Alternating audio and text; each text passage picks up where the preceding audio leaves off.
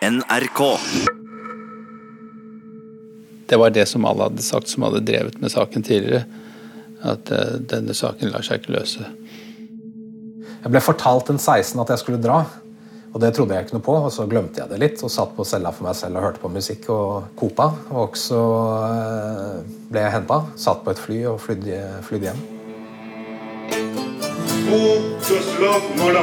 To norske menn skal være mistenkt for drap i Kongo. De ser eh, syke ut. De ser ut som de ikke har eh, fått eh, nok mat på lang tid. De er ganske tynne, bleke. Kjostolv Moland og Joshua French ble dømt for drap, for drapsforsøk, for spionasje, for væpnet ran og ulovlig våpenbesittelse. Vi var absolutt ikke på noen guttetur. He was like my oldest son. Du hører på To hvite menn. Jeg heter Runar Henriksen Jørstad, og dette er sjette og siste episode. Utenriksdepartementet bekrefter at det den siste tiden har vært møter mellom norske diplomater og kongolesiske myndigheter på høyt nivå. Hva gjør Norge når to av våre statsborgere blir dømt til døden i Kongo? I år etter år satt Joshua French og Kjøstholm Moland fengslet i Den demokratiske republikk Kongo. Dødsdømt etter at sjåføren de hadde leid inn, ble drept langs veien. Norske myndigheter fikk kritikk for ikke å gjøre nok for å få de norske fangene hjem. I fjor kom Joshua French tilbake til Norge som en fri mann. For Kjøstholm Moland kom løsningen for sent. Denne episoden handler om saken mange trodde det var umulig å løse. Om ukjente rømningsforsøk og dyrlegen som til slutt kunne se flyet med Joshua French lette. Etter åtte år som kongolesisk fange. Vi må spole helt tilbake til våren 2009. Idet de to nordmennene blir tatt, går alarmen hos det norske utenriksdepartementet. UD har plikt til å hjelpe norske borgere som er i trøbbel i utlandet. Militærpolitiet her i Kisangani gjør seg nå klare til å sende over papirene til domstolene. Blir de to nordmennene funnet skyldige og dømt, så står de foran dødsstraff. Dette er en helt spesiell sak, også for norsk UD. For første gang risikerer to nordmenn å bli dømt til døden i Kongo. Og de ber også om mer hjelp fra Utenriksdepartementet. UD tok seg saken veldig seriøst veldig tidlig. Vi skulle nok ønske at kanskje putta litt mer press. Fordi eh, her og nå så er det uvisst hvor lenge dette drar ut. Vi har ingen uh, mulighet til å øve innflytelse over det kongolesiske rettssystemet. UD jobber med flere spor. På kort sikt må de prøve å sørge for best mulig soningsforhold for de to fangene, og forsøke å få flytta dem til et bedre fengsel. Men den største og viktigste oppgaven de står overfor, er å få de to nordmennene hjem. Både soningsoverføring til Norge og benådning blir diskutert. Dersom de blir dømt, kan de bli benådet av presidenten i Kongo. Ifølge VG er dette en av tre løsninger som den kongolesiske utenriksministeren har lansert i møte med vår egen utenriksminister Jonas Gahr Støre. I Kongo løses mange rettstvister ved at det utbetales penger. Også i denne saken ble penger tidlig et tema. Etter det NRK forstår, så vil familien til den drepte sjåføren ha 6,5 millioner kroner i erstatning og to hus fra staten Norge. I et intervju med NRK før rettssaken i 2009 forteller Bibish Olenjeke, enken etter sjåføren, at det ikke er viktig for henne at nordmennene straffes.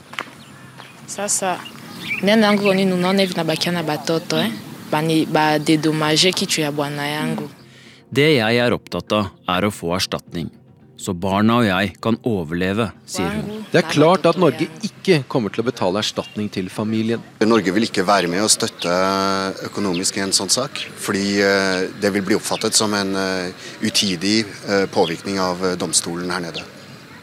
Det blir ingen quick fix.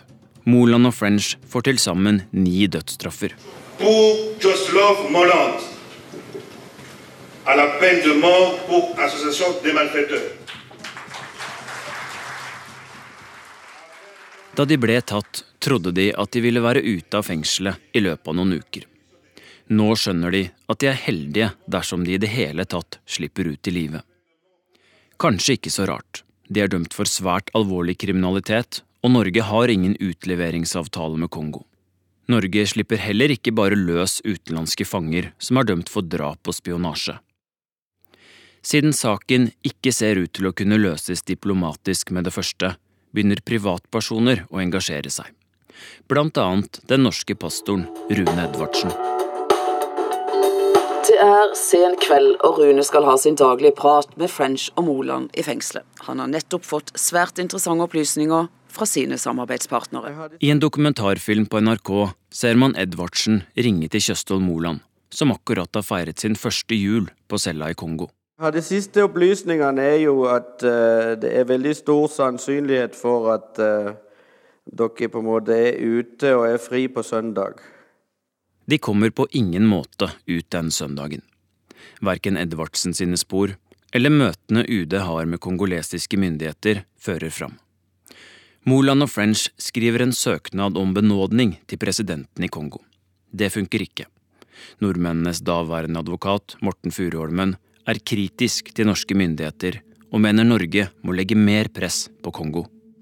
Furuholmen krever nå at både statsminister Jens Stoltenberg og justisminister Grete Farmo personlig går inn i saken.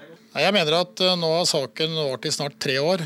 Ehm, og eh, det er på tide at vi nå får avsluttet saken. Til tross for møteaktivitet mellom Norge og Kongo i sommer, har man ikke kommet nærmere en utleveringsavtale. Men UD gjør ikke nok, mener foreldrene til de to drapsdømte. Også daværende statsminister Jens Stoltenberg skriver brev til president Kabila. Men heller ikke han får svar.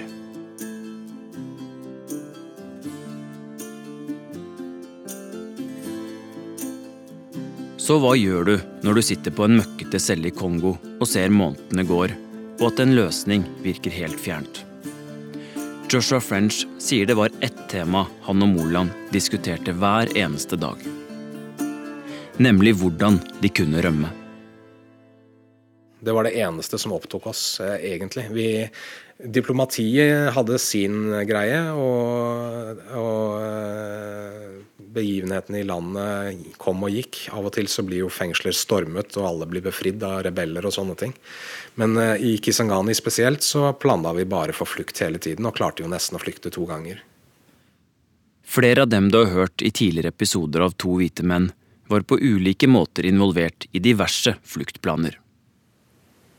Det var jo et tilfelle som, uh, som de spekulerte på om de kunne klare å få to gummibåter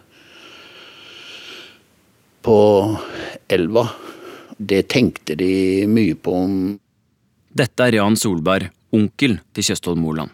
Hvis de hadde klart å komme seg da til elva og komme seg på de båtene, så visste de at det er jo ikke veier langs med Congo River. Og, de visste jo òg at de har jo ikke bensin til å kjøre så fryktelig langt, de her politier og forsvar og allting sånt. noe, så hvis de hadde bare kommet seg ut på elva i mørket og fått reist litt nedover, så regnet de med det at da ville de være berga. For de, de kunne, mente de kunne overleve i 14 av tre uker og ligge helt stille i jungelen. Og da, da regnet de med at da ville myndigheter og allting tro at elva hadde tatt dem. Så da Det hadde de liksom som en liten drøm, da. Flytte på strømmen nedover en gummibåt? Flytte på strømmen nedover en gummibåt, og så, og så, og så inn i jungelen og forsvinne der i i en periode. Du skulle skaffe båter da, eller? Ja, det var, hadde jo telefoner da med allting sånt, men det er veldig vanskelig å få en oppblåsbar svart gummibåt eh, i Kisangani for en enkel eh, nordmann. Prøvde jo å finne ut av åssen i alle dager en skulle klare å skaffe en sånn gummibåt. En annen som satt og grubla på hvordan han kunne få frigitt nordmennene, var Dan Sommer. Han som nå er pastor på Island, men som i 2009 ansatte Moland og French som piratvakter om bord på skip i Adenbukta. Well, you know, I, then we, we were thinking, shit, you know. And the first thought was, how can we help them, you know? Several other colleagues spoke together about different options of, of helping them coming home. Men hva da? Helikopter eller storme fengselet, eller hva kunne man gjøre da? Well, I mean, in, in, in Africa, I would not go with that approach, although that's definitely an option that was discussed. Dan Sommer sier han og kollegaene i sikkerhetsmiljøet snakket om å skrape sammen nok penger til å bestikke noen.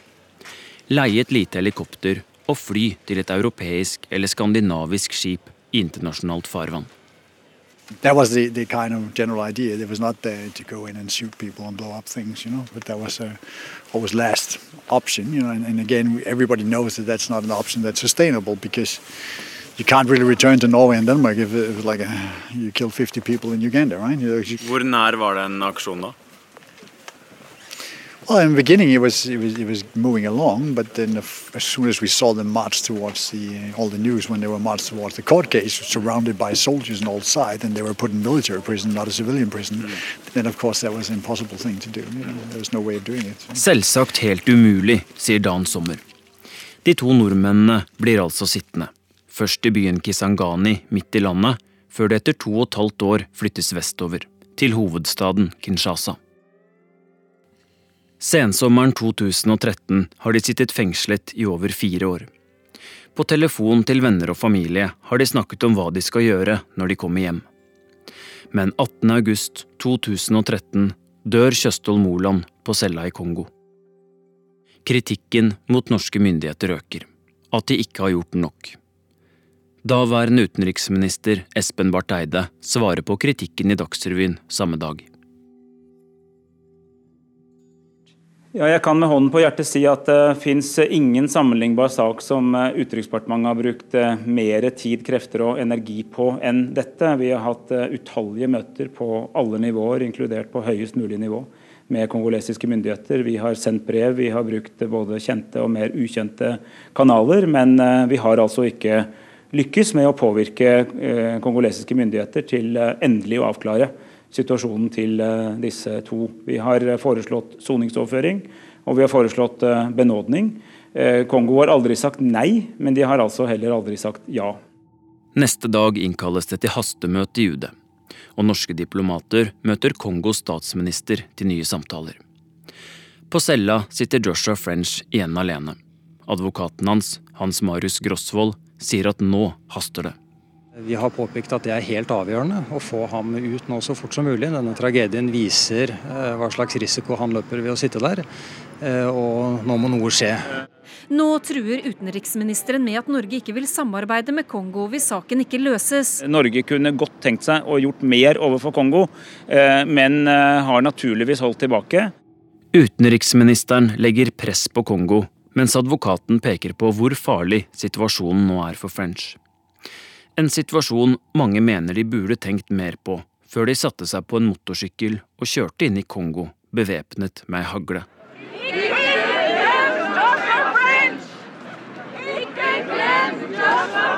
I Oslo arrangeres det fakkeltog for Joshua French. Rundt 200 møter opp den kalde novemberdagen i 2013.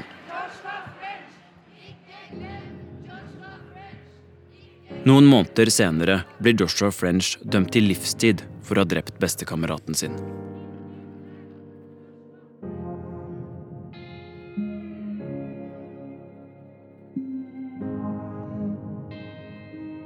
Like etter blir også han alvorlig syk.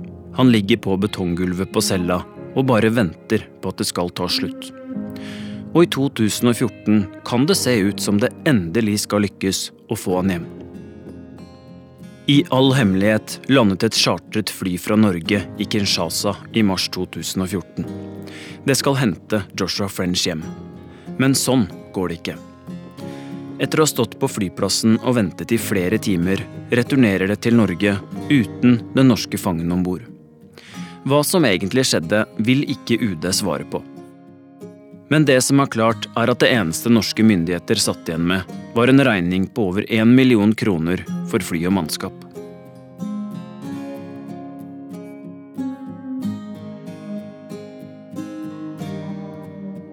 Helsetilstanden til French er nå så elendig at han har blitt flytta fra fengselet og til et hus.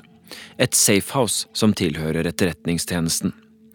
Der har han husarrest, men det mislykka forsøket på å få han hjem gjør at French igjen prøver å finne ut hvordan han kan løse situasjonen, ved å rømme. Der var jeg først veldig dårlig de første par månedene, og så henta jeg meg inn i løpet av mai og juni. Og i juli så planla jeg flukten min hele måneden. Men hvor drar man når man rømmer fra fangenskap i Kinshasa? Hvilke muligheter har en hvit mann på flukt i en kongolesisk millionby? Vi fikk aldri høre historien om hva som egentlig skjedde i de dramatiske timene i hovedstaden. Før nå.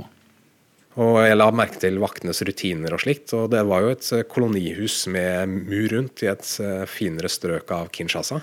Med piggtråd på murveggene rundt og alt mulig. Og jeg var jo fanget i huset med vaktene. Så jeg klarte å flykte derfra, så jeg brøt meg gjennom taket, taket asbestplatene i taket, og hoppet ned i hagen fra loftet og snek meg ut. Ganske risky?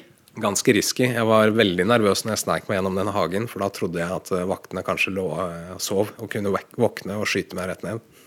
Og så visste jeg ikke om jeg, kanskje jeg gikk i en felle eller ikke. At de kanskje hadde overvåkningskameraer og kunne se meg og slike ting. Var du bevæpna? Jeg var, var bevæpna med en, en, stang fra en feltseng, men utenom det så hadde jeg ikke noe. Så når jeg kom til den porten, så hoppa jeg over og løp ut i gatene. Hva tenker du da? Nei, Det jeg tenkte var at jeg skulle prøve å komme meg ned til elven eller til en ambassade. Men jeg visste ikke hvor i byen jeg var. Eh, og jeg brukte flere timer på å organisere meg. Eh, jeg kom ned til elvedelen av byen. Men det var såpass nærme til noen sånne stryk de har lenger nede, at jeg måtte lenger opp elven for å klare å svømme over til eh, Kongo-Brazzaville. Hvor langt er det? da? Det er mellom 3 og 10 km. Så det jeg regna på, var at jeg måtte komme meg en 20-30-40 km opp, hvert fall. Opp elven, for den er veldig stri. Og så svømme over? Og så svømme over. Det var planen min.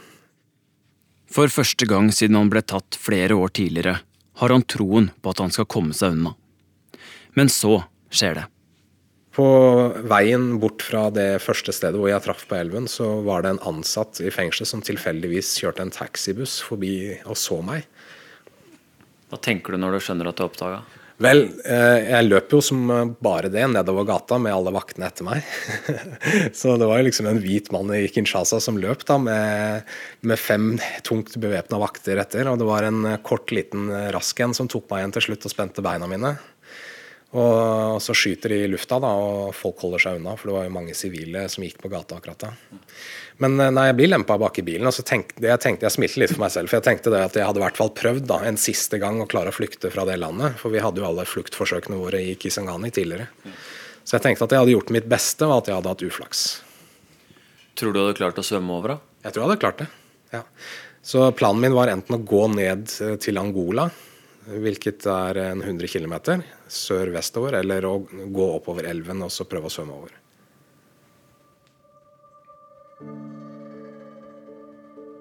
Jeg aner ikke om Joshua French hadde klart å svømme over Kongofloden. Han kom uansett aldri så langt. Det skytes varselskudd i lufta, men det som virker helt tydelig, er at kongoleserne heller ikke nå prøver å ta livet av den norske fangen. Uansett, mislykka flukt, mislykka diplomati. UD prøver nye veier og kontakter den beryktede israeleren Dan Gertler, som har tjent seg søkkrik på kongolesiske diamanter, i håp om at han kan overtale president Kabila. Ingen i Utenriksdepartementet vil kommentere det her nå, men vi vet det er delte meninger internt i UD om Gertlers innsats bidro eller bare ødela for saken. Statsminister Erna Solberg og utenriksminister Børge Brende prøver å få til et møte med Kabila når de er i New York samtidig. Men ifølge Dagbladet takker Kabila nei. Det ser mørkt ut med tanke på en løsning. Men så begynner noen å snakke om at det er en person man ikke har prøvd ennå.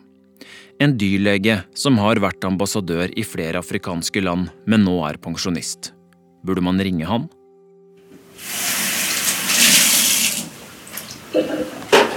Her ser du en ventil. Når man fyller på den, så kan man ikke fylle over, for da blir det et eller annet gærent. Så er det da den der, og så er det kaffe oppi der. Man har gitt gass til alle disse folkene der og koke maten på gass istedenfor trekull, så hadde vi klart oss. Uten å ødelegge regnskogen? Ja. Mannen som lager etiopisk kaffe på gassovnen hjemme på småbruket på Krokstad i Akershus, heter Arild Øyen. Tøfler, dressbukse og skjorte. Håret er grått og velstelt. Huset hans er fullt av kunst fra andre breddegrader etter utallige utenlandsreiser. Hvor er den der fra? Den her? Ja. Den er uh, ugandisk. Det er virkelig flott statue. Det hjørnet der, da? Hvor er det fra? Det spydet? Nei, det er ikke spyd. Det er sånn uh, Det er nok fra sannsynligvis Kongo. Hei, jeg driver og lager kaffe. Dette er skummelt, altså med gass. Arild Øyen er egentlig veterinær. Han gikk aldri i Utenriksdepartementet sitt aspirantkurs. I stedet var han distriktsveterinær i Hammerfest, før han på 70-tallet tok med seg familien til den afrikanske øya Madagaskar. Der undersøkte han kyr på landsbygda, prata med lokale bønder og spilte veteranfotball med regjeringsmedlemmer. Jeg føler jo at jeg har hatt en stor fordel, for jeg begynte på, på grasrota da, og liksom jobbet meg oppover. Eh, for da får man jo en, eh, en helt annen forståelse av, av, samfunnet. Dyrlegen ble etter hvert diplomat. Først i FNs matvareprogram, før han i 1997 ble ambassadør i Uganda. Da var det full krig mellom Uganda, Rwanda og Kongo. Så ble han stasjonert i Angola. Derfra dekket han også Den demokratiske republikk Kongo, og ble engasjert i arbeidet for å bevare regnskogen. Hele tiden knyttet han kontakter og fikk nye venner. Mange av dem høyt oppe i systemet. Det skal vise seg å bli viktig. I 2014 går han av med pensjon etter å ha avsluttet karrieren som ambassadør i Algerie. Men han rekker ikke å slappe av lenge. For bare noen måneder senere, helt i begynnelsen av 2015, får han en telefon fra UD. Det dreier seg om en sak som ikke ser ut til å la seg løse. Likevel har Arild Øyen ingen anelse om hvor omfattende jobben han går inn i, skal bli. Hvor lenge trodde du skulle jobbe med den saken her, da? Jeg hadde tenkt eh, en par måneder. Det var Kari Hilde French, moren til Joshua French, som i utgangspunktet hadde tatt kontakt med Arild Øyen gjennom en kollega, og lurt på om han kunne hjelpe sønnen som satt alene i fengsel i Kongo. Øyen har mange kontakter i Kongo og tok utfordringen. Jeg spør han hva som trigget han til å si ja. Det var jo det at vår utenriksminister ba meg om å komme tilbake. Selv om han visste jo at jeg var ganske kritisk til enkelte ting uh, som var gjort i den saken. Så da ble det jo bare sånn. Hva var det du var kritisk til, da? Nei, det var jo det at jeg syns eh, man ikke hadde tatt nok hensyn til uh, den reelle situasjonen. Man forsto ikke, eller, eller, ville ikke forstå alvoret i situasjonen. Det som ble kalt for løsning, det, det, det, som det lå i det, var jo på en eller annen måte at de to skulle ut av Kongo og, og tilbake til Norge. For å få til det, så måtte man jo ha et godt forhold til de kongolesiske myndighetene. Det var ingen annen måte, ikke noe annet som kunne løse det. Og hvis vi snur saken, ikke sant, og prøver å se det liksom fra norsk side, hvordan vi reagerer når selv med vår eh, relativt enkle historie sammenlignet med, med Kongo, eh, når vi ser hvordan vi reagerer når, når, utlandet vil eh, diktere oss og fortelle oss hva vi skal gjøre, så, så, så, burde vi forstå at denne saken var komplisert. Var det det norske myndigheter prøvde, å diktere kongoleserne? Jeg vil ikke kanskje si det så, så sterkt, men hvis du går tilbake og leser avisartikler osv. Det var mange som trodde at man kunne liksom presse Kongo til å liksom avslutte denne saken i, eh, raskt. Ja, det, dette med, med, å slutte å gi bistand, det, det ble jo brukt det er jo ikke noe som eh, terger opp eh, tror jeg, afrikanere generelt enn akkurat det. Hvis man skal oppnå noe ved å ikke gi bistand, det er en helt sikker eh, måte å stoppe enhver reell dialog på. Arild Øyen sier man rett og slett måtte erkjenne at to nordmenn var dømt, og at kongoleserne var overbevist om at det var nordmennene som hadde drept sjåføren Abedi Kasongo. Dette måtte man huske når man satte seg ned for å snakke med dem. Og det var akkurat det han gjorde. Snakket. En av Øyens gamle kontakter i Kongo var Alexis Tamve, som var utenriksminister da nordmennene ble tatt. Da Arild Øyen og kona reiste på en privattur til Kinshasa høsten 2014, sendte Øyen en SMS til Tambe, som han hadde spilt tennis med tidligere. Jeg skrev at jeg har fått en invitasjon til Kongo. Hvis vi, med min kone, hvis vi drar, er det mulig å få et slag tennis igjen? Og han svarte faktisk prompte og sa at han hadde ødelagt kneet sitt, men eh, vi var hjertelig velkommen hjem til han hvis vi, hvis vi kom. Alexis Tambe inviterte ekteparet Øyen på middag og tok selv opp saken til French. Øyen fortalte at mor French mer eller mindre hadde flyttet til Kinshasa. Da reagerte Tambe spontant og sa at nei, det, sånn kan vi ikke ha det. det. Nei, han reagerte bare veldig, veldig, på det, at moren skulle gå der i fengselet, og så, så, så sa han nei, nå, når vi får ny regjering, så kan du si til henne at hun kan eh, komme til meg på mitt kontor, så skal jeg forsøke å hjelpe henne. Tamve blir justisminister og er innstilt på å hjelpe. Men veien frem mot en mulig avtale synes fryktelig lang. Øyen forteller at under en middag han hadde vært i tidligere, kom en senator fra Kisangani bort til han og sa Hvis du så mye som løfter en finger for den norske morderen, skal vi gjøre det surt for president Kabila. Arild Løyen skjønner fort at presidenten i landet, med nesten 80 millioner innbyggere og stor politisk uro, ikke har noe å tjene på å løslate French. Det var flere ting som kompliserte saken. Blant annet hadde Moland og French jobbet med et sikkerhetsselskap i nabolandet Uganda, som Kongo har vært i krig med i mange år. Dette satte ifølge Øyen i gang en rekke spekulasjoner om hvem de to nordmennene egentlig var. Dessuten dukka det opp et brev. I tillegg, som vi har sett i norsk presse, så hadde de jo skrevet et brev til uh, en ny opprørsleder i Kongo, generalen Kunda, som jo hadde startet sin egen store militære offensiv mot sentralmyndighetene, mot president Kabila. Så når da du blir arrestert med, med den bakgrunn, så er det klart at det er ikke noen lett vei ut av det. Vi må stoppe opp litt her. Det brevet til en kunda er viktig. I likhet med bildet av Moland som tørker blod i bilen, var brevet til en kunda som ble funnet på Moland sin PC like etter at nordmennene ble arrestert i 2009, noe som virkelig ødela for Moland og French. For å skjønne det må vi vite litt mer om hvem Laura Nkunda er. Høsten 2008, like før nordmennene kjørte inn i Kongo, var landet på randen av borgerkrig. FN regner med at 100 000 mennesker har flyktet til Kongo den siste uken, og de fleste av dem er i krigsområdet. Den britiske og den franske utenriksministeren reiser nå til Kongo for å prøve å få slutt på borgerkrigen øst i landet. Dette er opprørslederen Laurent Nkunda som legen snakker om, og som har pressa FN-styrkene og den kongolesiske hæren til retrett. Nkunda er den høye, tynne generalen med de smale, firkanta brillene. Kallenavnet hans var Slakteren i Kisangani. Etter at styrkene hans henrettet 150 mennesker under et opprørsforsøk noen år tidligere. Flere lik skal ha blitt putta i poser og kasta utfor en bro. Høsten 2008 truer han regjeringen med full borgerkrig.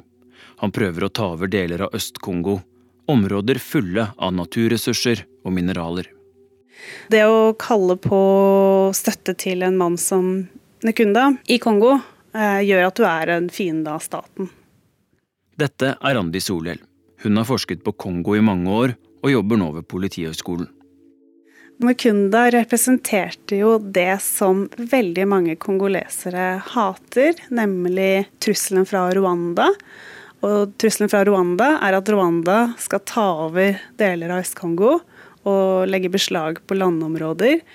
Det jeg lurer på, er hva Moland og French tenkte da de skrev dette brevet til en der de ønsket å tilby sine tjenester for han. Det høres livsfarlig og idiotisk ut. Men de hadde visst en plan, og nå forteller French hvorfor Moland skrev brevet. Han skrev brev til generalen Kunda, eh, som vi påstår eh, ikke ble levert. Men skulle det ikke sendes?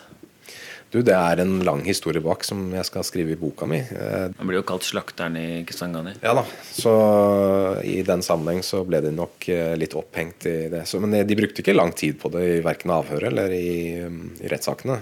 Men ville dere jobbe for han? Eh, jeg hadde nå helt rett fram, jeg hadde ikke hatt noe problemer med å jobbe for han, men vi var ikke invitert. Og, så det gjorde vi aldri. For brevet er jo nesten en sånn forsøk på å invitere seg selv, er det ikke det? Ja, da, da, vil jeg bare si at vi skrev jo andre brev også, som aldri har kommet for journalistene. Så Hvem var det til, da? det er hemmelig. Men Så det, det, var ikke det at vi var veldig opptatt av generalen og Kunda og hans CNDP-bevegelse. Kjøssov hadde en ideologisk tiltrekning til det, mer enn jeg. Jeg tenkte bare på det mer som en faksjon i området. Men vi diskuterte jo sammen temmelig nøye hvem vi kunne tenke oss å jobbe sammen med. Og hva selskapet vårt, hva slags retningslinjer vi hadde. Hva var det med hans ideologi som frista Moland, da? Nei, Da kommer jo han fra utsiden inn i en region som er full av faksjoner, og tar sider. Men det har nok Kjøstov kom fram til da, at det var the good guys i området. Hvis dere hadde sendt dette brevet og dere hadde fått et positivt svar, så kunne dere jobba for han? Ja, men igjen, da, vi var ikke invitert. Men det, det, var egentlig det var flere brev. Man skriver ikke bare ett brev, man skriver flere. Og så er det litt hvem som leverer det. Og hvordan det blir tatt, altså tatt imot. Nkunda-brevet, blodbildet og selvsagt dommene fra flere rettsinstanser i Kongo. Det var en stor utfordring tidligere veterinær Arild Øyen sto overfor da han kom tilbake til Kongo på oppdrag fra UD. Tennisspiller og advokat Alexis Tambe blir utnevnt til ny justisminister, og jobber for å løse saken gjennom benådning. Det var hans uh, klare oppfatning at det var den beste løsningen. Han syntes da at uh, loven hadde gjort det den skal, nemlig å, å straffe personer som har brutt loven, tilstrekkelig. Han, han, argumenterte med det, at de har fått tilstrekkelig straff og kan benådes. En benådning må godkjennes av presidenten. Men Arild Øyen vet det ikke er bare bare for president Kabila å slippe ut en hvit fange som er dømt til døden. Politisk har han alt å tape på det. Øyen søker hjelp hos en som skal bli en viktig brikke i saken. Pastor og norgesvenn Milenge Valanvata. Norske pinsevenner har bygget flere skoler i Kongo, og pastoren har vært her på besøk en rekke ganger. Milenge skriver en liste han gir til Arild Øyen. På den står navnet til en rekke viktige personer han sier Øyen må snakke med. Og alle disse må bli enige, skal saken løses. I tillegg må to sentrale kvinner møtes.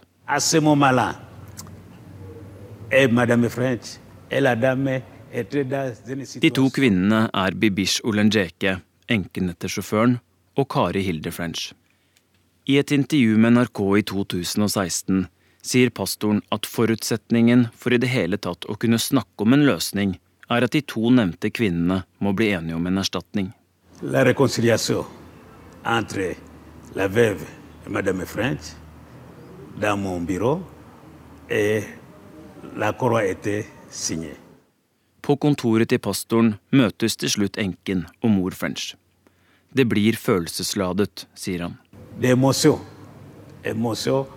Ils se sont embrassés, ils se sont salués. Il y a le sentiment d'amour. Hvor mye erstatningen var på, vil han ikke si. Men Joshua French sa i en tidligere episode av To hvite menn at det dreier seg om noen hundre tusen. Noe som kanskje ikke er så lett å forstå for oss, er at um, en mors posisjon i, i Kongo er veldig, veldig uh, sterk. Var det et vendepunkt i saken, syns du? Ja, det var ikke noe tvil om det. Og, og, og de understreket jo veldig sterkt at denne erstatningssaken uh, var veldig, veldig viktig. Hva tenker du da når disse to kvinnene møtes inne på det lille kontoret der? For meg så var det jo først og fremst at jeg så at nå hadde vi klart å løse et problem, en del av denne saken, som alle parter i årevis hadde henvist til som en absolutt betingelse for å komme videre, men som ingen hadde noen løsning på. Så for meg så var det nok uh, først og fremst en stor rettelse. Og jeg så liksom nå muligheten til å kanskje få fullført uh, saken. Arild Øyen hadde sett for seg å jobbe med denne saken i to måneder. Først etter to års intens jobbing begynner han å øyne et lite håp om at saken kanskje kan løses likevel. I februar 2017 sier justisminister Tambe at French er en kriminell, ikke bare en tyv. Men hensynet til moren hans, som har flyttet til Kongo for å ta vare på sønnen, veier tungt. Hva vet vi om norske myndigheters dialog med Kongo den siste tiden? Jeg tror også det har vært helt avgjørende at eh, det er en mann på saken nå som kjenner Afrika, som kjenner Kongo, som har kontakter, som vet hvordan han skal snakke med folk. Det er spesialutsendingen eh, Arild Øyen. Blir Joshua French en fri mann, ja da har han mye av æren for det. Takk skal du ha, Kristine Prestun direkte fra Kongo. Så begynner det virkelig å løsne og tidlig på våren blir viktige setninger skrevet på et ark. Joshua French kan overføres til Norge av humanitære og helsemessige årsaker. Vi hadde funnet formuleringer som tilfredsstilte begge, begge partene. Og da utarbeidet Justisdepartementet ved, ved Tamme det nødvendige dokumentet som beordret overføring av Joshua French til Norge. Løsningen er altså ikke benådning. Men bare timer før en ny regjering skal på plass i Kongo, skriver justisministeren under på et dekret, som det så fint heter. Men ingenting er sikkert før French sitter på et fly på vei til Norge. Det var fremdeles mange ting som kunne gå galt. Det kunne være alt fra en uh, omgjøring av, saken i, siste sekund, til mer eh, praktiske ting som kunne gå galt. Men de tar sjansen. Nok et privatfly med norsk helsepersonell er på vei til Entebbe flyplass i Uganda. Mens French sitter intetanende på cella, står flyet og venter i nabolandet. Men én vesentlig ting mangler. Et fly som skal lande et annet sted, må ha en landingstillatelse før det tar av fra opprinnelsesstedet. Arbeidet med å skaffe en landingstillatelse på rekordtid starter på ettermiddagen 16. mai. Å få til en slik tillatelse tar vanligvis 72 timer, ifølge Øyen. Men kongoleserne jobber raskt. De neste timene blir hektiske. Sjefen for det militære rettsvesenet, general Ponde, som har ansvaret for French i fengselet, inviterer Øyen og de to andre norske diplomatene, Hanne Dukkolo og Giske Lillehammer, til fengselet. Så innkalte han French, som, som, da ble hentet av sin celle og ført inn. og Han fikk da opplest hele dette dokumentet og ble bedt om å kommentere uh, hver enkelt paragraf som sto i dette dokumentet, og om han hadde forstått det. Så, Hva sa han da? Han sa ikke noe annet enn ja. Fengselet er klare for å slippe løs French men fortsatt mangler landingstillatelsen.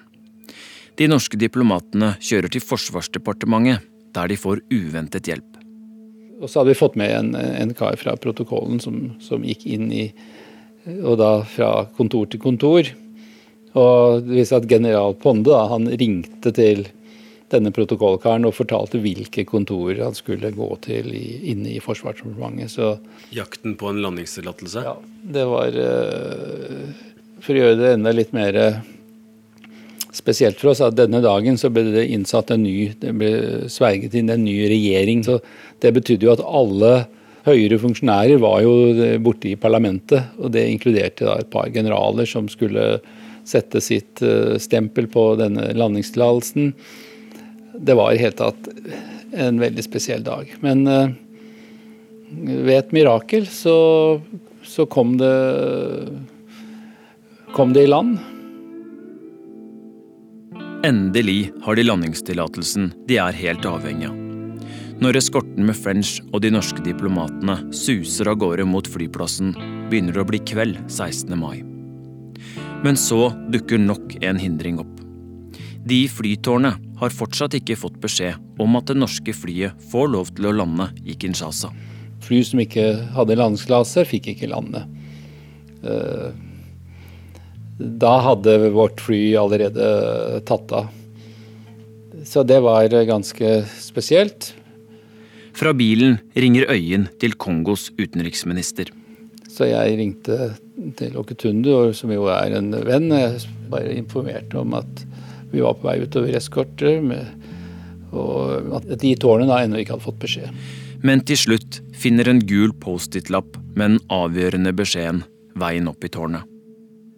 Så kommer plutselig en kar fra protokollen inn og sier, som hadde sagt hele dagen, at vi har ikke fått noe, de har ikke fått noe beskjed her ute. Sier at ja, flyet lander om tolv minutter. Og så at vi så litt forundret ut, da.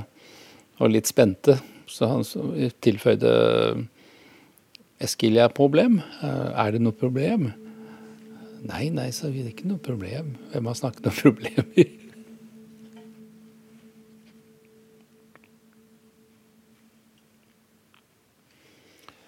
Ja, så landet flyet.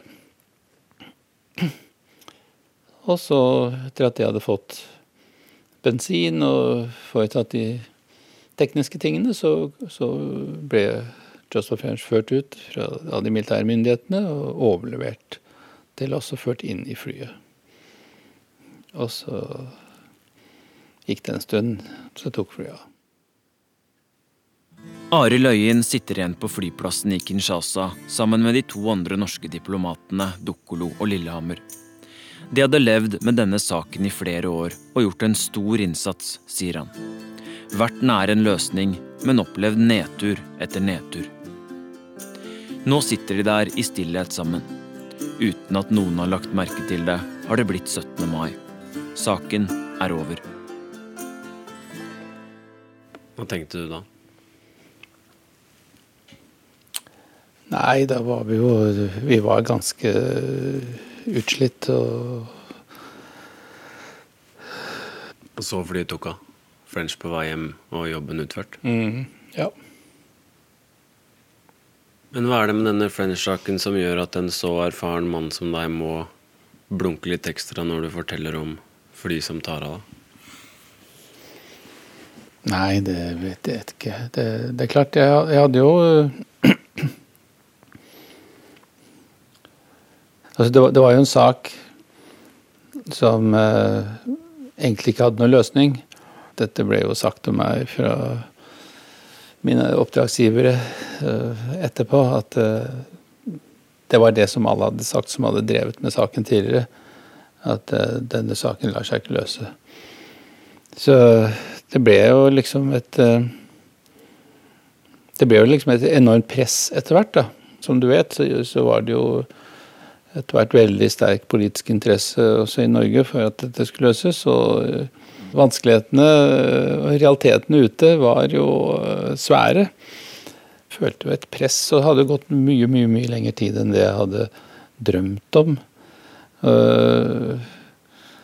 Hvorfor klarte du det ingen andre hadde klart? det? Nei, det var, det var jo kongoleserne som tok den avgjørelsen. Det, det var de som klarte det. Så jeg hadde jo vært uh, en slags uh, mellommann, kan man si. Da. Det, er jo helt opplagt. Når noen sitter i fengsel i et land, så er det land, uh, det landet som, som kan gjøre noe med det forholdet. og det ble Og sånn, sånn ble det. jeg er jo veldig takknemlig for justisminister Tambø. Arild Øyen sier hans motivasjon for å fortelle om alt det her, er for å få frem hvilken massiv innsats det er lagt ned, både fra norsk og kongolesisk side, for å få løst denne saken. At det var utrolig at kongolesiske myndigheter, samme dag som det ble innsatt en ny regjering, brukte tid på å få overføringsdokumentet til French ferdig. Fortsatt får han meldinger fra general Ponde, som lurer på hvordan det står til med French og familien hjemme i Norge. At han er glad for at saken endelig er over etter så mange år. Hva sier den avtalen mellom Norge og Kongo da, om French-saken? Nei, som det vel er blitt forklart, tror jeg, fra vår utenriksminister, så, så er det ingen avtale mellom Norge og Kongo i French-saken. Kongo tok uh, en avgjørelse om dette helt på, på egne skuldre.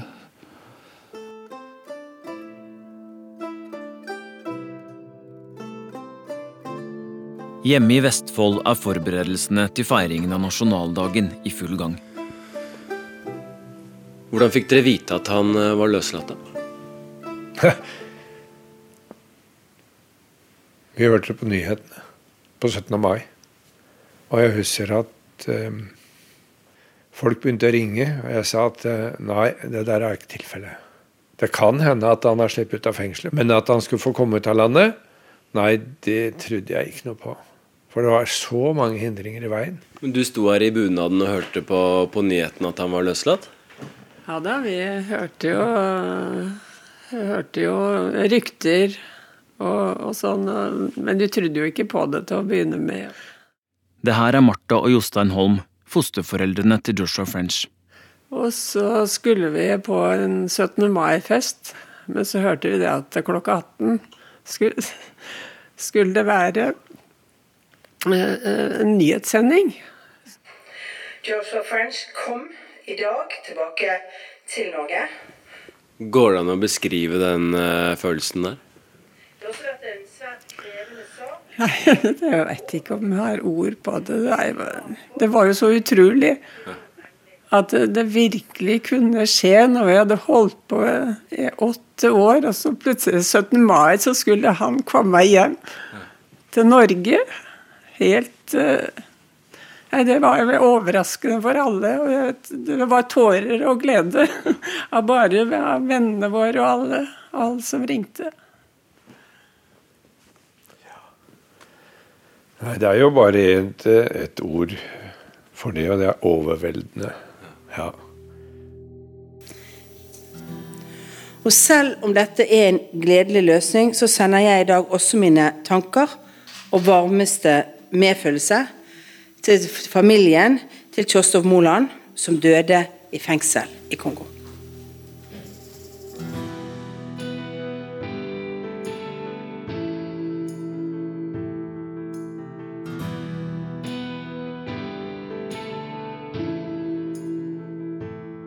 Joshua French sier alt som skjedde de maidagene i fjor, er litt tåkete, siden han var skikkelig dårlig.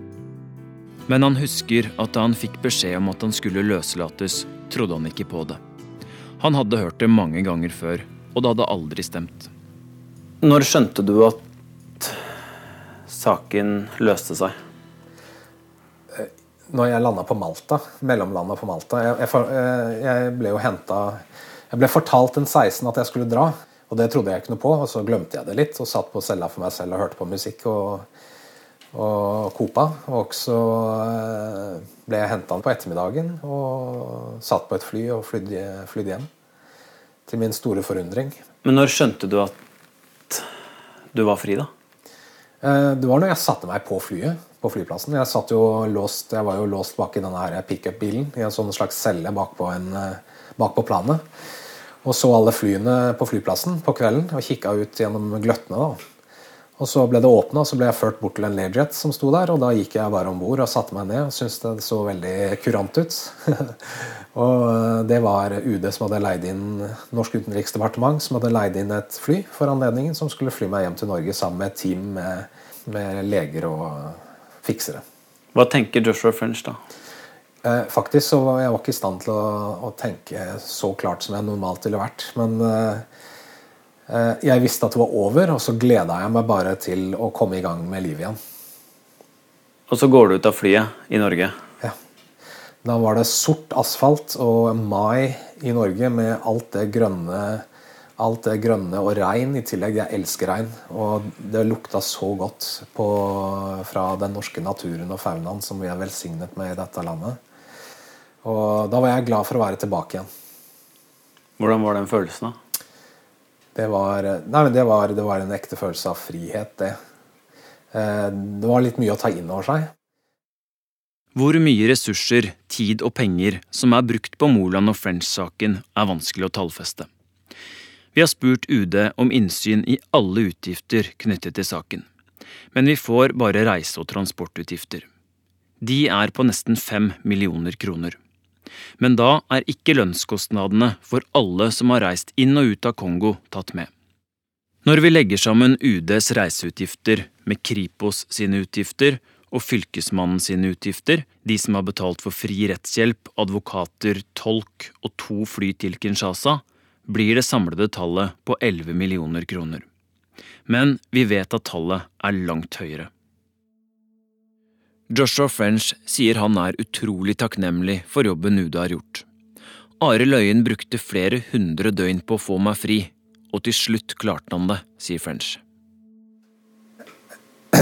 En takk til eh, min familie, så, klart, og moren min, som jobbet veldig hardt. Så jeg er veldig glad for at moren min eh, og søsteren min først og fremst hjalp meg så mye i den saken som de gjorde. Eh, og så er det norsk utenriksdepartement og engelsk UD Jeg er veldig glad for at uh, var såpass flinke og fikk meg ut, for det gjorde de til slutt. Da jeg startet arbeidet med denne podkasten for åtte måneder siden, visste jeg ikke hva jeg kom til å finne ut av, eller hva jeg skulle forvente.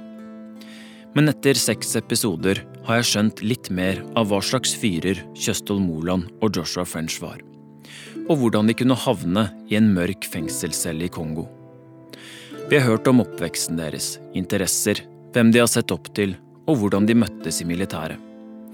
Der satt de og drømte seg tilbake i tid. To hvite menn, helst under kolonitiden. Derfor dro de sammen til Afrika og valgte å reise inn i et krigsherja land. De tok noen valg som kostet livet til både Kjøstholm Moland og sjåføren deres, Abedi Kasongo. Og det førte til et enormt diplomatisk arbeid i år etter år. Vi har også fått en ny forklaring. Frenchs invasjon etter at han kom hjem. At han og Moland jobbet som leiesoldater hvorfor de dro inn i Kongo, og hva som egentlig skjedde i jungelen. En versjon det ikke er lett for meg å etterprøve. Om et par uker er det ni år siden de satte seg på den hvite motorsykkelen og kjørte fra Kampala i Uganda mot Kisangani i Kongo.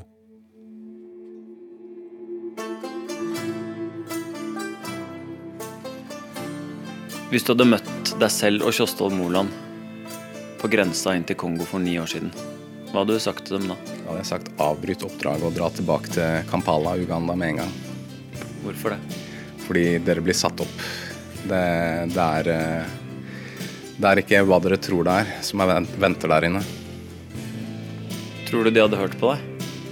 Jeg tror det. Jeg tror det. Hvis eh, de hadde fått advarsel eh, sterk nok.